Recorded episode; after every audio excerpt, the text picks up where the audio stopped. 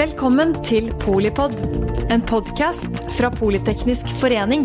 Et kunnskapsbasert medlemsnettverk for bærekraftig teknologi og samfunnsutvikling. Velkommen til Polipod, en podkast fra Politeknisk forening om bærekraftig teknologi og samfunnsutvikling. Vanligvis har jeg gleden av å lede episoder om sirkulær økonomi gjennom konseptet vårt eh, Full sirkel, men i dag skal vi ha en litt annerledes episode, som ikke bare snakker om hvordan vi forvalter ressursene våre, men også utviklingen av begrepet bærekraft fra et historisk perspektiv. Hvordan har vårt forhold til ansvarlighet for klima, miljø og samfunn utviklet seg fra miljøvern på 60-tallet til global oppmerksomhet rundt skadelige klimagasser på 80-tallet, opprettelsen av multilaterale avtaler, IPCC og introduksjonen av bærekraft som et begrep for å karakterisere økonomiske, sosiale, institusjonelle og miljømessige sider ved det menneskelige samfunn? Nå er vi jo kun måneder fra et stortingsvalg, og med IEAs veikart for verdens energiomstilling friskt i mente, er det store spørsmål rundt Norges bidrag i den internasjonale klimakampen. Og ikke minst hvilke overordnede olje- og klimapolitikk vi kan forvente oss i årene som kommer. Men hva kan historien fortelle oss om hvor vi er i dag? For å gi historisk og politisk kontekst til nåtidsbildet vårt i 2021 er jeg så heldig å ha med meg Per Kristian Ensjø, tidligere ekspedisjonssjef i Industridepartementet, tidligere styremedlem i eh, Petoro, mangeårig leder i Hydro og ph.d. i økonomi og ressursforvaltning fra University of Michigan, og siviløkonom fra NHH. Per Christian tilbrakte totalt eh, elleve år i departementstjeneste i ulike lederroller innenfor miljø- og industripolitikk, før han tilbrakte 17 år i Hydro, der han bl.a. var sjef for Hydro Energi og Hydro Asia Pacific i Singapore. Og ikke minst så har jeg også gleden av å ha med meg vår eminente generalsekretær i Politeknisk forening, Mette Vågnes Eriksen, som har over 25 års operasjonell og strategisk erfaring fra DNV, REC, Statkraft og Sveko annet. Mette er styremedlem i miljøstiftelsen Zero og i NorSAR, og har virkelig ledet og fulgt utviklingen av bærekraft som et styringsprinsipp i næringslivet, og ikke minst utviklingen av cleantech-markedene. Mette er som Per Kristian utdannet ressursøkonom fra Universitetet i Oslo, og har bl.a. hatt ingen ringere enn Arne Næss som foreleser. Eh, velkommen eh, til deg, Per Kristian, og takk for at vi får komme på kaffe til deg, Mette. Er hyggelig. og hvem er du, da? Ja, og jeg er jo da Ida Hatle Brekke, styreleder i Politeknisk forening Bærekraft, altså Nettverket for bærekraft. Så det er veldig stas å få ha denne samtalen med dere i dag, som virkelig er to pionerer, vil jeg si, innenfor eh, arbeidet med bærekraft, både i offentlig og privat sektor. Og dagens episode det er jo egentlig en, en fortsettelse av en samtale vi hadde sammen her i disse lokalene i oktober i fjor, eh, var det vel, eh, hvor vi var litt inne på ressursøkonomiens rolle i, i dagens samfunn og, og politisk klima. Og den gangen så, så kunne du fortelle meg, Per Kristian, at forløpet til det vi nå kaller sirkulær økonomi, så er et begrep som er på mange lepper om dagen, det var også et sentralt diskusjonstema på, på 60- og 70-tallet, eh, annet i NOU 55, det er en stortingsmelding fra 1974, som heter 'Norges ressurssituasjon i en global sammenheng'. Og, og, i disse årene her så jobbet jo du i Miljøverndepartementet. Og mange tenker jo på dette med sirkulærøkonomi som, som noe nytt. Men hvordan ble aspekter av det adressert av politisk ledelse den gangen, og, og hvorfor forsvant kanskje det politiske momentet etter hvert? Ja, altså den gangen så, eh, da departementet ble opprettet i 72, så var det forurensningssiden som var veldig dominerende. Man hadde jo bak seg masse diskusjon om den enorme befolkningsveksten vi hadde, og da, derved så så man jo at man konsumerte ressurser, brakte det ikke tilbake, og det skapte trøbbel. Så samtidig som vi måtte gjøre ting for å få orden på luftforurensning og vannforurensning, Man skal huske at en del norske industristeder på 60-70-tallet så ut som slik som du ser i India i dag, mm. eller Kina. Samtidig som det, så eh, søkte man jo etter ting hvor man kunne vise at man fikk til noe effektivt på sirkulær økonomi. Og vi, vi eh, forsøkte oss litt under to ting som står frem som eh, vellykkede. Det ene var en vrakpant, ved at alle som kjøpte en ny bil, måtte betale en pant, og så fikk de det tilbake når bilen ble levert inn på, på riktig sted for resirkulering. Og så var man litt raus, for den gangen var det, mye, det var et høyt rentenivå, så man fikk også lov til å ta med og betale ut vrakpant for gamle biler som lå rundt om i naturen. Den gangen så var det liksom i en eh, bekkefar og ute i Skogsholt så lå det ferdige biler. Og, så, og da ble vi enige om at så lenge man kunne finne chassisnummeret på bilen, mm. så var det grunn til å utbetale et vrakpant, selv om det aldri var innbetalt for det vraket der. Mm. Og det andre som lyktes, det var um, returflasker. Og det var veldig mye fordi det, på samme tid så var det da noen driftige unge menn som hadde begynt med det selskapet som i dag heter Tomra, som ga den tekniske muligheten. Og det illustrerer at det, det må være et klart identifisert produkt. Det må være systemer man kan etablere, som ikke blir som drepende kostbare, og så må man løse logistikken rundt det. Og det er vanskelig å kjøre sånne separate løp. Og vi forsøkte oss eh, prøvde å være kreative, men vi kom aldri lenger i min tid enn til de to eksemplene som ble ganske vellykket. Mm. Nå prøver man å modellere eh, en del sirkulære strategier og, og, verdikjeder egentlig etter pantesystemet, så det har jo vært egentlig kanskje litt sånn stoltheten ja. i det som er den fremvoksende sirkulære økonomien i Norge. Nå kom det jo en, en strategi som ble lansert i, i går, som i hvert fall gir noen overordnede føringer, men, men, viser jo også mye til at vi må legge oss på lik linje som, eh, som EU. Og jeg vil kanskje si skyver en del ting også foran seg, men det blir veldig spennende å, å se hva den fører til. Og da nevnes det jo blant annet at man skal se på en revidering, eller en reform egentlig, av skatte- og avgiftssystemet. Og, og, for meg så reflekterer jo det en litt mer sånn helhetlig tankegang, at man ser at dette her virkelig eh, handler om ressursøkonomi, da. Mm. Så det ble utrolig spennende å se på. Eh, og, og, Mette, du studerte jo også økonomi, klima eh, og utvikling på Blindern da, litt senere eh, på, på 80-tallet. Og i disse årene så skjedde jo det eh, enormt mye.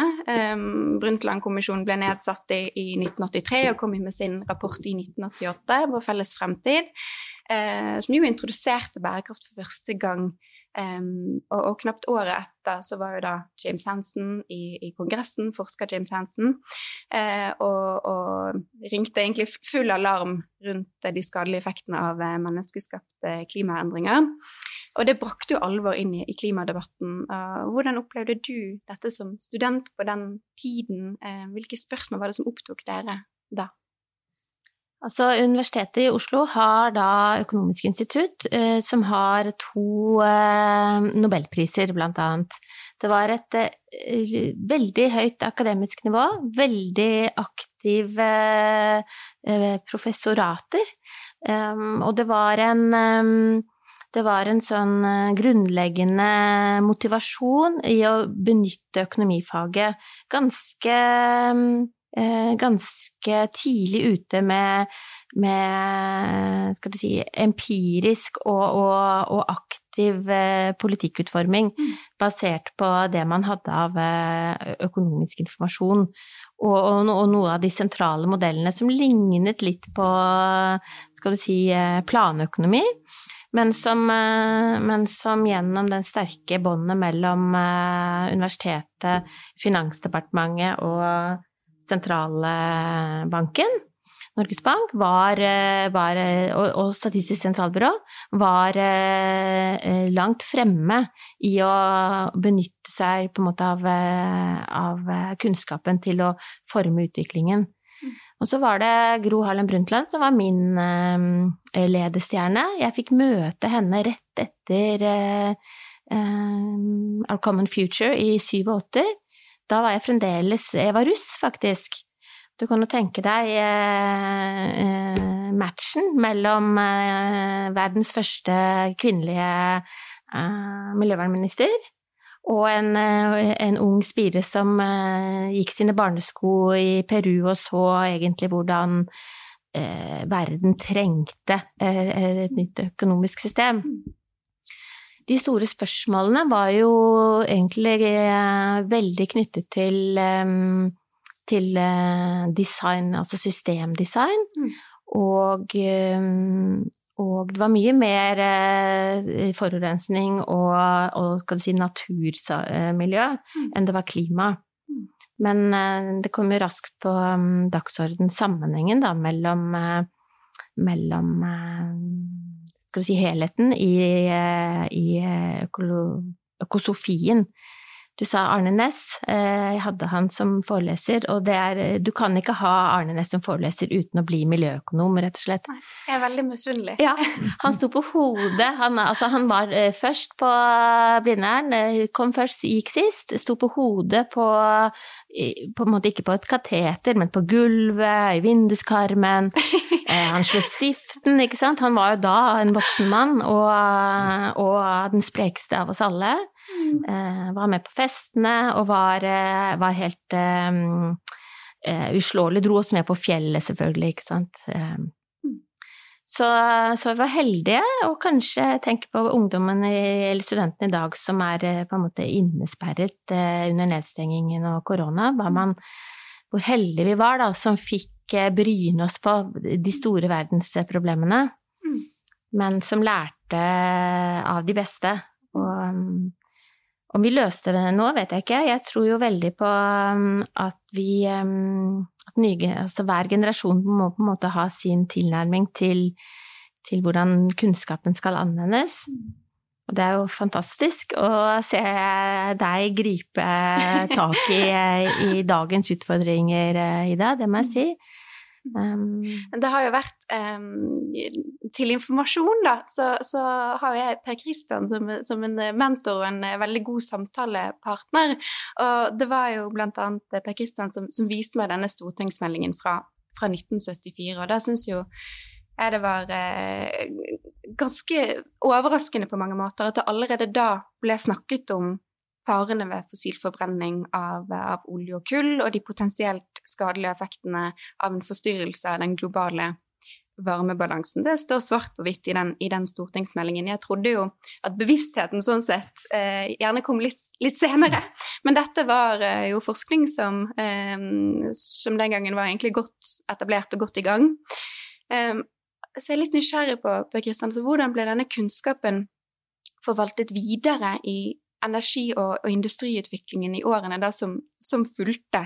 Um, for den, eh, den, kommer jo med noen si, noen røde flagg, at her må vi passe på. Men hvor, uh, hvordan ble det fulgt opp? For, di, for, din reise også i politikken følger jo evolusjonen av oljeeventyret, egentlig. Uh, funnet av ekofisk til inntoget av, av uh, internasjonale bestemmelser, Polluter Pace Principle, UNFCC, alle disse rammeverkene som vi nå kjenner godt til. da. Ja, altså det, Man må ta eh, en litt tilbake i historien, da. Fordi på 60-tallet så var det to vitenskapelige skoler ute og snakket om klimaeffekter. Og det ene var SO2-utslippene, og det andre var CO2-utslippene. Mm. Og så var ingen av disse var sterke nok til å si at ja, men det er vi som er rett. Eh, SO2-utslippene var mer regionale, mens CO2-utslippene er globale. Så eh, i norsk sammenheng så var det jo SO2-utslippene, svovelutslippene, mm. fra tungindustrien i Nordvest-Europa som ble det tyngende. Eh, ødela fiskevann, eh, reduserte skogstilvekst osv. Og, så og vi drev jo en krig i gåseøynene mot Storbritannia særlig, som var superarrogante og prøvde å latterliggjøre våre, eh, våre, observasjoner, hvor vi da måtte sende opp fly og gjøre målinger som viste at det kom fra Storbritannia, og noe kom fra Tyskland også. Og etter hvert så ble det gjort tiltak. Men så etter hvert så så man at klimaeffektene, CO2-effektene, ble større. Og heldigvis så hadde man jo hatt noen sta vitenskapsmenn som nektet å fjerne måleinstrumentene fra en vulkan på Hawaii, som var satt opp i 58 for å måle i forbindelse med et um, geofysisk uh, år, så skulle man måle en del om uh, konsentrasjoner av forskjellige komponenter. Og så fortsatte de å måle CO2, og det gjør du jo i dag, og i dag er jo det referansepunktet. Og man har da en enestående god tallserie som hele tiden gjør at man kan ikke kimse av dette. Man ser at det er en veldig stigning fra sånn 370-80 til nå en 400, omtrent 420 ppm med CO2. Tror dere at eh, den eh, kunnskapen og det datagrunnlaget vil gjøre Idas generasjon eh, bedre i stand til å agere raskere og i tide på den kunnskapen? Med maskinlæring og AI osv. For det er jo noe med Jeg så tilbake til um, 1938. I Politeknisk forening så var det et møte som da het um, Breene går tilbake overalt. Um, Klimasvingninger uh, de siste 100 år. Og alt er beskrevet. Kongen var til stede. Det er beskrevet som eh, Det er referert i Morgenbladet med at, eh, at denne professoren, professor Wærenskiold, fortalte merkelige ting i Politeknisk forening om temperaturstigningen. Mm. Men kunnskapsgrunnlaget eh, ble lagt frem i 1938. Og så er spørsmålet om, om, hva skal til, tenker jeg, for at, at teknologi kan hjelpe oss for at vi skal agere raskere, da på den kunnskapen? Altså, skikkelig kvalitativt gode tidsserier mm. er noe som, eh, som gjør underverker. Det liksom skjærer gjennom mye sånn dilettantisk prat. Og så, man, ja, så er man enige om at man eh, har disse registreringene, og så etter hvert så ser man jo kan man vel også se at diskusjonen er litt mer bort fra at dette hever klimaet, hever temperaturen i klimaet, men mer i retning av at det blir så mye ekstremvær. Det blir sånne brutale forandringer. Og det er det som koster oss så voldsomt mye nå. Ja. Og at det andre, at tidsaspektet, det er blitt veldig sammentrykt. Det har jo mange ganger i historien vært store temperaturendringer, men det har aldri gått så raskt som nå. Mm. Så det er tid og, og dette med ekstremsituasjoner som jo er det store økonomiske og truende bildet, syns jeg. Mm. Det er jo altså, global konsensus eh, i det internasjonale forskningsmiljøet, og som du sier, Mette, så kommer det jo helt til ny og forbedret teknologi som lar oss eh, forstå mye mer hva som, hva som skjer. Men noe som jeg er ganske opptatt av, er jo også hvordan eh, formidler man den informasjonen ut til folk på en måte som eh, vekker bevissthet, men, men, også engasjement og ikke apati. Eh, og det er jo som vi snart eh, pratet om litt før vi begynte, at eh, eh, politikere handler jo også basert på hva befolkningen bryr seg om og flagger som viktige mm. eh, politiske saker og tema. Så jeg savner jo både det at man adresserer det som en krise, på lik linje som vi har gjort med koronakrisen. Men ikke minst, eh, som Per Espen Stoknes ofte prater om, at vi må lage en, en ny fortelling om hvilke muligheter som ligger i dette også.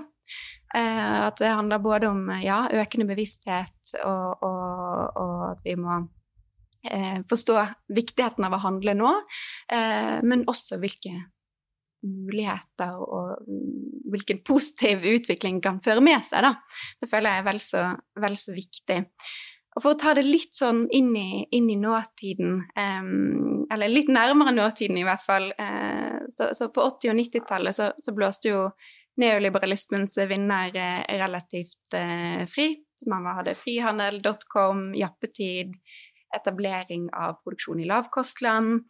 Um, og, og, den gangen begynte du også å jobbe i, næringslivet, Mette, på, på midten av 90-tallet. Eh, så man den gangen også konturene av det som ble hetende eh, CSR, altså det å ta, ta ansvar som en, som en virksomhet. Da fokuset fremdeles da på det å ivareta miljøhensyn og begrense skade av industriell aktivitet. Begynte liksom dette med bærekraftig næringsliv å melde seg da? Jeg eh, hadde, tror jeg, en av de første jobbene som bærekraftsansvarlig i, eh, i et herværende kraftselskap. Fantastiske Statkraft, som er Europas største produsent av fornybar energi. Det begynte nok, og jeg var konsulent før det, Eh, og da tror jeg det kom inn i en forlengelse av HMS som en sånn måte å skal du si, avrapportere på krav. Utslippskrav var, eh, var liksom eh, starten på miljøstyringen. Og så, mm, og så kom det etter hvert i takt med, tror jeg, en liksom globalisering av norsk næringsliv, så kom det inn som krav om eh, gjennom utenlandsaktivitetene. Og, og, det ble veldig knyttet til eh, Man begynte å snakke om et samfunnsansvar. Og det ansvaret var knyttet til eh, først og fremst eh, det man gjorde utenfor landets grenser. Og det begynte litt sånn, og det var litt sånn suppe av, av eh, de fire k-er, som jeg sa. Kvinner, korrupsjon, Kina og klima. De fire k-ene, de, de, eh, på en måte ble litt, eh, litt avhengig av hvordan man sånn omdømmemessig ble utsatt for risiko, da. Så håndterte man det og, og bakte det inn i kvalitetssystemet sitt, den femte k-en. Så det kom Eh, det kom nok mer som, eh, som, et svar på forventninger og krav. Eh, og så tok det mange tiår, vil jeg si, før, før det kom inn gjennom omdømme og merkevarebygging. Mm. Og først da fikk de jo mm, sånn styreromsoppmerksomhet. Mm. Først da fordi det da ikke bare var snakk om en kostnadspost, men en inntektspost. Da. Mm. Så CSR og, og, og eh, si, retorikken ble jo også viktig. Jeg husker det første Det var sikkert du også med på, Kristian, Men det første eh, skal du si, norske sånn offentlige CSR-utvalget, det var eh, i UDs regi. Helt typisk. Det var ikke Miljødepartementet. Det var eh, UD som da samlet eh, de største selskapene for å snakke om um, samfunnsansvar. Mm. Og miljø og klima var en stor del av det. Mm. Og nå er jo det Nå er det nesten i den andre enden, hvor det finnes jo ikke et selskap som ikke har en bærekraftstrategi, nærmest. Um, så nå mener jeg fokuset er, er Nå er det viktigere å, å, på en måte gå i klingen på det man gjør, versus det man sier. Mm. troverdighetsaspektet. Du satte fingeren på noe interessant der, denne lille kampen som er mellom departementene. Ja. Da Miljøverndepartementet ble opprettet, så var det en sånn andunge som ingen likte av de andre departementene. Og for å få til ting, så forsto vi ganske fort at hvis vi ikke fikk til et godt samarbeid med Finansdepartementet, så kunne vi bare glemme. Mm. Og det der fortsetter i dag også. Miljøverndepartementet har hatt sine down-perioder hvor deres prestisje i departementsstrukturen har vært veldig svak, og da får du at UD f.eks. tar dominans.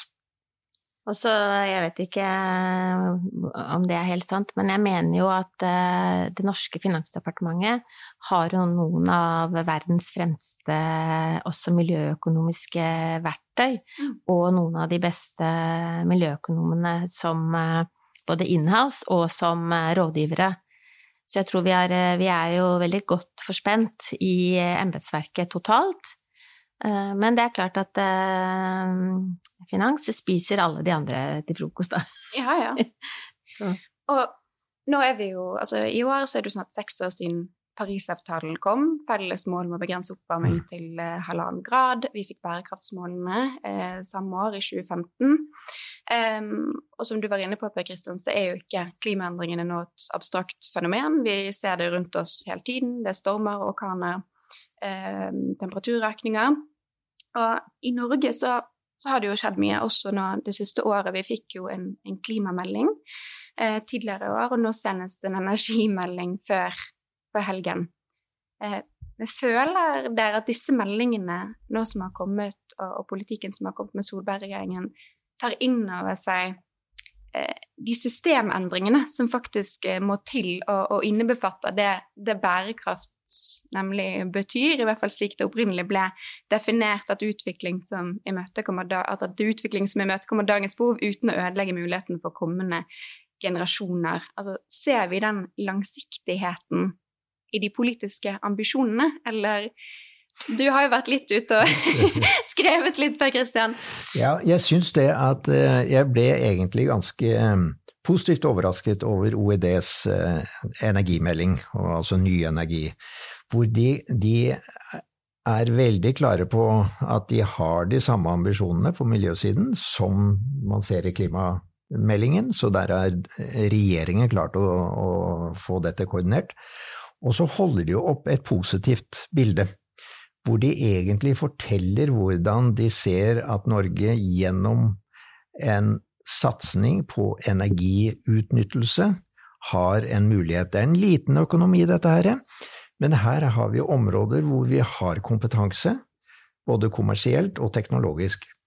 Så man, eh, dette med en massiv satsing på elektrifisering på landjorden i Norge, for å få energiøkonomisering, for å få oss til å slutte å bruke fossil brensel i industri og mange sammenhenger utover eh, transport. Og eh, at de eh, skisserer et, et, nytt bilde av potensialet som ligger i Norges økonomiske sone med vindkraft, både for for eh, kraft til Norge, eksport og for nye produkter, som er eh, energitype energibærere som mange land ettersøker i dag. Så jeg syns nå er det begynt å sy det sammen på en måte. Og med da bakgrunnen med, med mm, en, en CO2-avgift i størrelsesorden 2000 kroner i, i 2030, så får man polluter pay principle, som allerede ble akseptert av Stortinget i 1977. Må ha vært veldig viktig for tenkningen at det er den som kan stoppe en forurensning, som skal betale for det hvis han, han eller hun insisterer på å slippe ut noe. Enten det nå er i form av penger eller det er pålegg eller noe sånt. Så jeg syns nå begynner ting å bli sydd sammen. Det skal ikke bli lett. Men eh, nå, nå, er det et grunnlag, og jeg tror selv om det skulle bli et regjeringsskifte til høsten, så tror jeg hovedlinjene i dette kommer til å bli drøftet videre langs denne aksen. Det er en masse eh, mindre ting i dette her som eh, sikkert en ny regjering vil ta tak i, men det blir i form av en liten tilleggsmelding, og så kan Stortinget bearbeide det. Hmm. Jeg syns kunnskap er eh, stikkord, eller du sa kompetanse er jo, er jo, på mange måter stikkordet, både det kommersielle og teknologiske, men det er jo også noe med det strukturelle, da. Samfunnet vårt har eh, rimelig nå tverrpolitisk enighet og, og ganske stor sånn tillit mellom marked og myndigheter, men også mennesker. Ehm, sånn at vi er, vi er som befolkning ehm, Vi vet jo hva vi må, eh, hva som kommer, og så er man litt uenig om, eh, om hastigheten og, og, fordelingen, og kanskje det, jeg syns blir mest spennende eh, fremover rundt disse meldingene som er egentlig ganske, ganske omforente, det er jo hvor aktiv næringspolitikken blir, og hvor og hvordan man bruker skal du si, økonomiske insentiver fra myndighetenes side for å stimulere en, en ny næringsutvikling. Der skiller jo partiene seg litt. Um, mens kunnskapsgrunnlaget er det jo veldig lite uh, si, uenighet om. Mm. Og det er jo en stor uh, Altså, da har man med det jeg sa om, om dette sterke embetsverket vårt, da, som, som, vil kunne klare å, å lage si, gode ordninger. Det må vi håpe. Ja, ja. Og det er veldig positivt å se at næringslivet eh, selv etterspør jo strengere miljøkrav. De, de etterspør mer forutsigbarhet i forhold til skatter og mm. avgifter.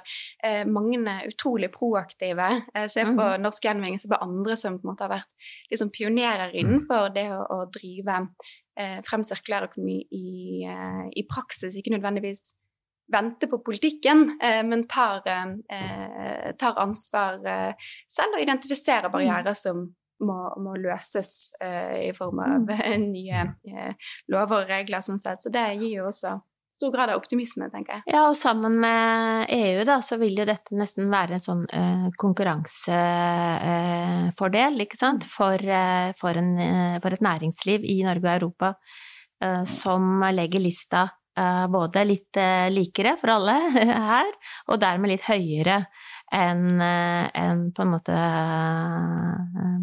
de verste aktørene globalt, da.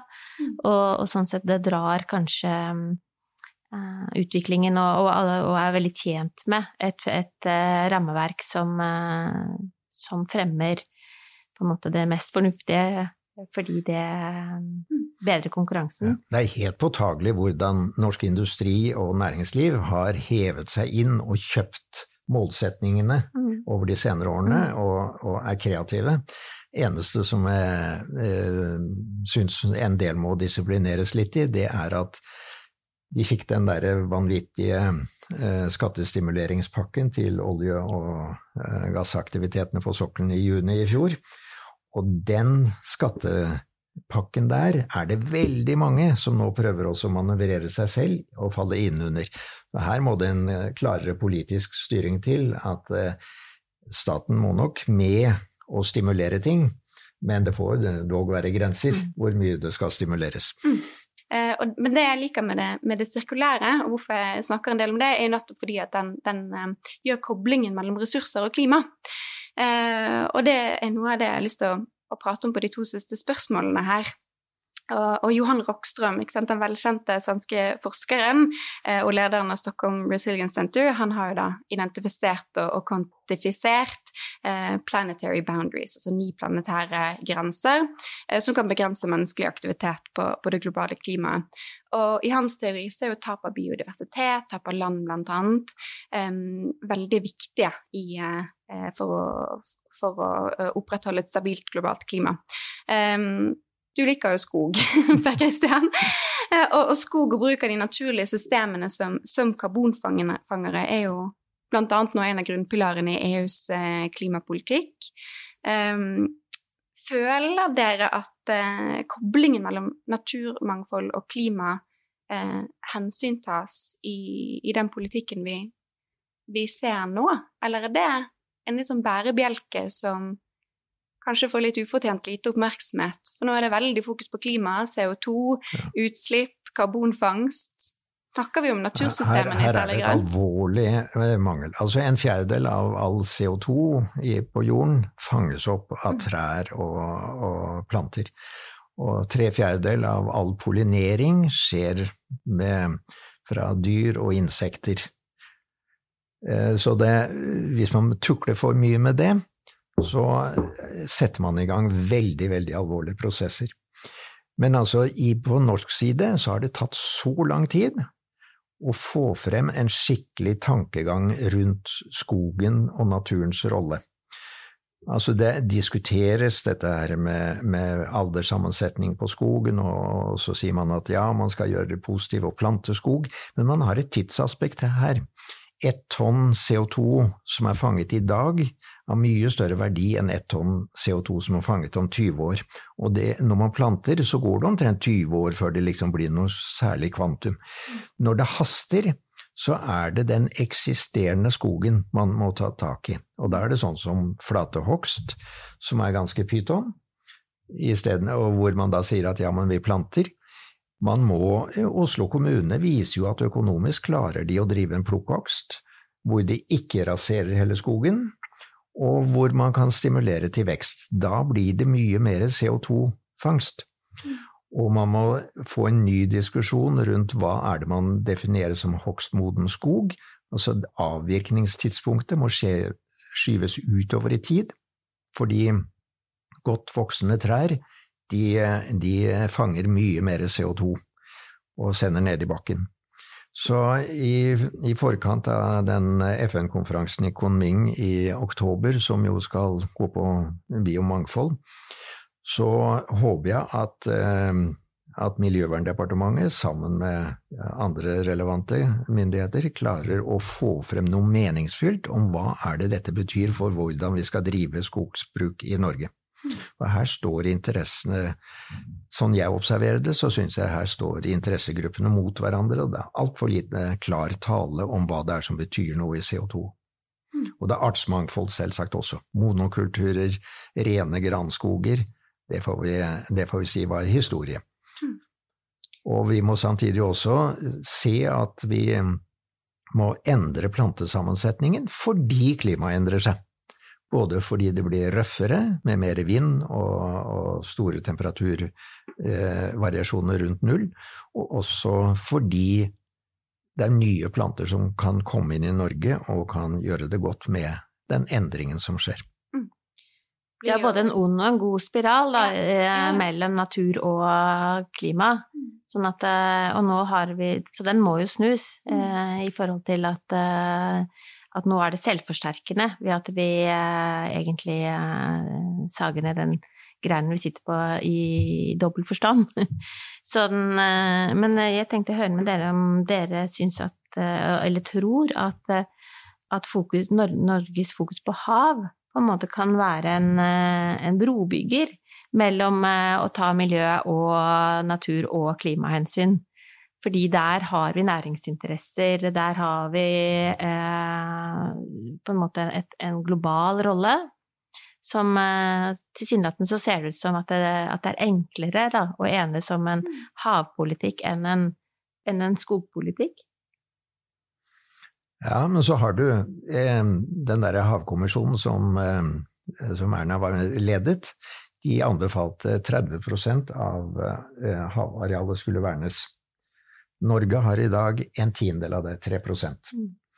Eh, nå er det jo interessant at hvis vi får en serie med vindkraftverk ute i norsk økonomisk sone, så må jo store områder rundt, særlig de flytende installasjonene, fredes av, av sikkerhetsgrunner. Mm. Og det blir jo en slags rev, da. Som, mm. så det man er, somler med å få gjort av vern av havområder, kan man kanskje oppnå litt ved å få mye vindturbiner. Man vil jo definitivt eh, møte på noen ganske vanskelige problemstillinger der også i utbyggingen av, av eh, fornybar energi, både i hensyn til eh, landarealer og havarealer og viktige soner som, eh, som, kanskje bør og må eh, vernes. Så altså, der hadde man jo ganske heftige konflikter også på, på 60-70-tallet mellom miljøvern og industri, og det kan godt hende at man vil se noen, noen debatter eh, relativt konfliktfylte eh, blusse, blusse, opp igjen. Men som du sier, Mette, så er jo eh, havet noe som er veldig nært på folk, og noe mange har et forhold til. Og eh, som nordmenn så er vi også masse ute i naturen, så det kan hende det på en måte blir en sånn, kan være en felles en fellesnevner da, å bygge dialog rundt. Jeg håper i hvert fall det. Um, og så er det jo Innenfor ressursøkonomien så vet jeg jo at det har vært mange spørsmål rundt etterpå om hva, hva er naturens egenverdi kan og bør vi sette en pris på naturen? Um, for verden virker jo veldig i stor grad fortsatt å være styrt av vekst og, og økonomiske hensyn. Så hva tenker dere om det? Hva tenker dere om naturens egenverdi? Kan man sette en pris på, eller er det ikke mulig?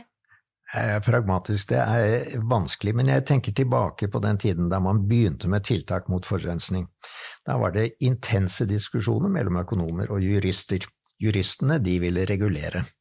De ville sette krav eller forby, og økonomene ville sette priser. Man må bruke begge deler. Ja. Og eh, Vern av områder er jo en måte å sette en pris på det også, som er litt uspesifisert, men vi er klar over at verner vi områder, så betyr det at de kan ikke brukes eh, til det vi kanskje hadde tenkt. Og istedenfor å ha en, den der diskusjonen om hva verneverdier er, den har pågått så lenge jeg kan huske, og man synes å være ganske langt fra de gode svarene, og det er så mye kunnskap som utvikler seg, som er dynamisk her.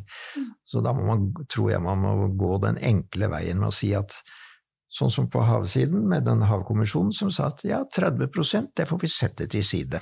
Mm. Der skal vi ikke fiske, der skal vi ikke rote på bunnen, der skal vi ikke bore etter olje eller gass, osv. Egenverdi er jo nesten et eh, etisk eh, spørsmål, da. Altså, nå er det akkurat 25 år siden jeg leverte min eh, Eller ble uteksaminert med min hovedoppgave om verdsetting av miljøgoder. Så det er klart det kan verdsettes i kroner og øre ut ifra en menneskelig vurdering av hva verdien er for, for menneskeheten, og med menneskehetens begrensede evne til å til å på en måte vurdere hva jordkloden eh, måtte trenge.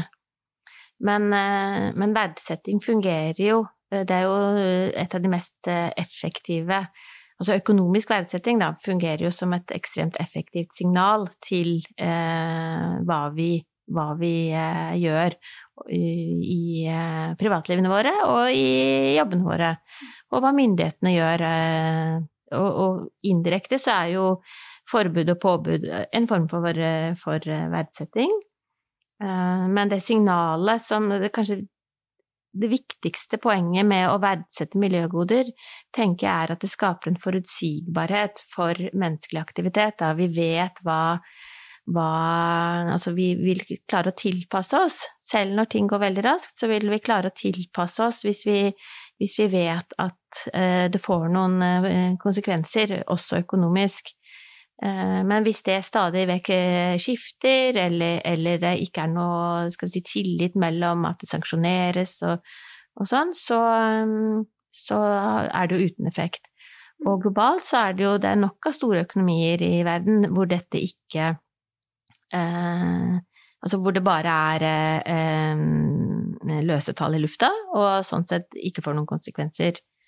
Men så er det jo kanskje noe rundt eh, altså langsiktigheten som Kina for eksempel, da, og, og, den kinesiske økonomien styres etter, i forhold til hva som er eh, si, verdsatt som, eh, som eh, miljøkonsekvenser og klimakonsekvenser. Det er den ytterste del av skalaen i forhold til hva et helt fritt marked vil, vil eh, tillate av, eh, av eh, økonomisk verdsetting.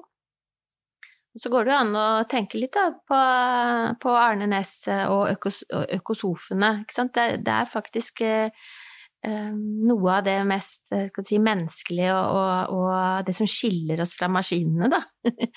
og gjør oss i stand til å benytte den kunnskapen på en annen måte enn bare på en måte dataanalysen. Eh, det handler jo om det etiske og moralske og det verdimessige. Altså verdisetting mer enn verdsetting, da. Mm. Og det tenker jeg kommer gjennom kjærlighet vel så mye som kunnskap mm. til, eh, til natur og miljø. Mm. Så man må jo ut og bli glad i naturen for å ta vare på den. Jeg tror eh, for å få gjennom litt sånn aggressiv miljøpolitikk, så må man, må man være flink til å ta frem eksempler. Jeg, jeg, bodde nesten ti år i Singapore og følger litt med hva som skjer der. Og Der har jeg lagt merke til to ting som de har brukt de senere dagene for å få folk til å forstå at her er vi bare nødt til å gjøre ting. Og Der var det i et område hvor jeg hadde også bodd, hvor det plutselig kom et regnskyll på 160 millimeter i løpet av en halvtime. Det er ganske mye. Da flommer det. Eh, og der var det enorme kanaler for oss å ta av for regnvann. Og her var det med en gang så begynte man å diskutere med folk hva man vil gjøre for å, å forsinke at det renner ned i kanalene, selvsagt må vi utvide kapasitet og sånt noe. Og det andre var at nå var det varsel for resten av uken. Den gangen jeg bodde der, så var det aldri over 33 grader eh, på det varmeste på dagen. Nå var det at hele den neste uken så må man forvente temperaturer i overkant av 35 grader. Og to grader opp når du kommer opp på 30-tallet, i, i, skyggen, det merkes ganske betydelig. Og dette bruker i dag de veldig offensivt til å fortelle at her må vi ha mer grønne arealer. Singapore har akkurat like mange mennesker som Norge. 670-80 kvadratkilometer, det er ikke mye å gå på. Men de har jo parker og grønne veier og grønne hus på toppen av husene og på veggen av husene for å kompensere. Og så tar de og, og gjør en rekke andre tiltak også. Så der bruker politikerne sånne enkle eksempler for å fortelle folk at se her, sånn kan vi ikke ha det. Da må vi gjøre noe. Og med de, det gode eksempelet og kloke ordene, så, så, tror jeg vi runder av for i dag. Vi har jo tatt oss gjennom samtlige tiår og, og viktige historiske og politiske hendelser. Um, tusen takk til vår gjest, Per Kristian Ensjø. I dag ble jo du nesten litt gjest også, uh, Mette, men takk for at vi fikk komme på besøk til, til deg. Dette er faktisk den hundrede episoden av Polopod eh, som jeg syns er veldig stas. Eh, og tusen takk til dere som eh, lyttet på også. Ikke glem å følge Politeknisk forening for mer informasjon om bærekraftig teknologi og eh, samfunnsutvikling. Og du finner denne episoden og andre episoder av eh, Polipod eh, der hvor du finner dine podkaster, på, Apple eller Spotify. så tusen takk for at dere lyttet på. Ha det bra. Takk for at du lyttet til Polipod fra Politeknisk forening. Få med deg flere episoder, eller bli med på nettverksmøtene som du finner på at polyteknisk.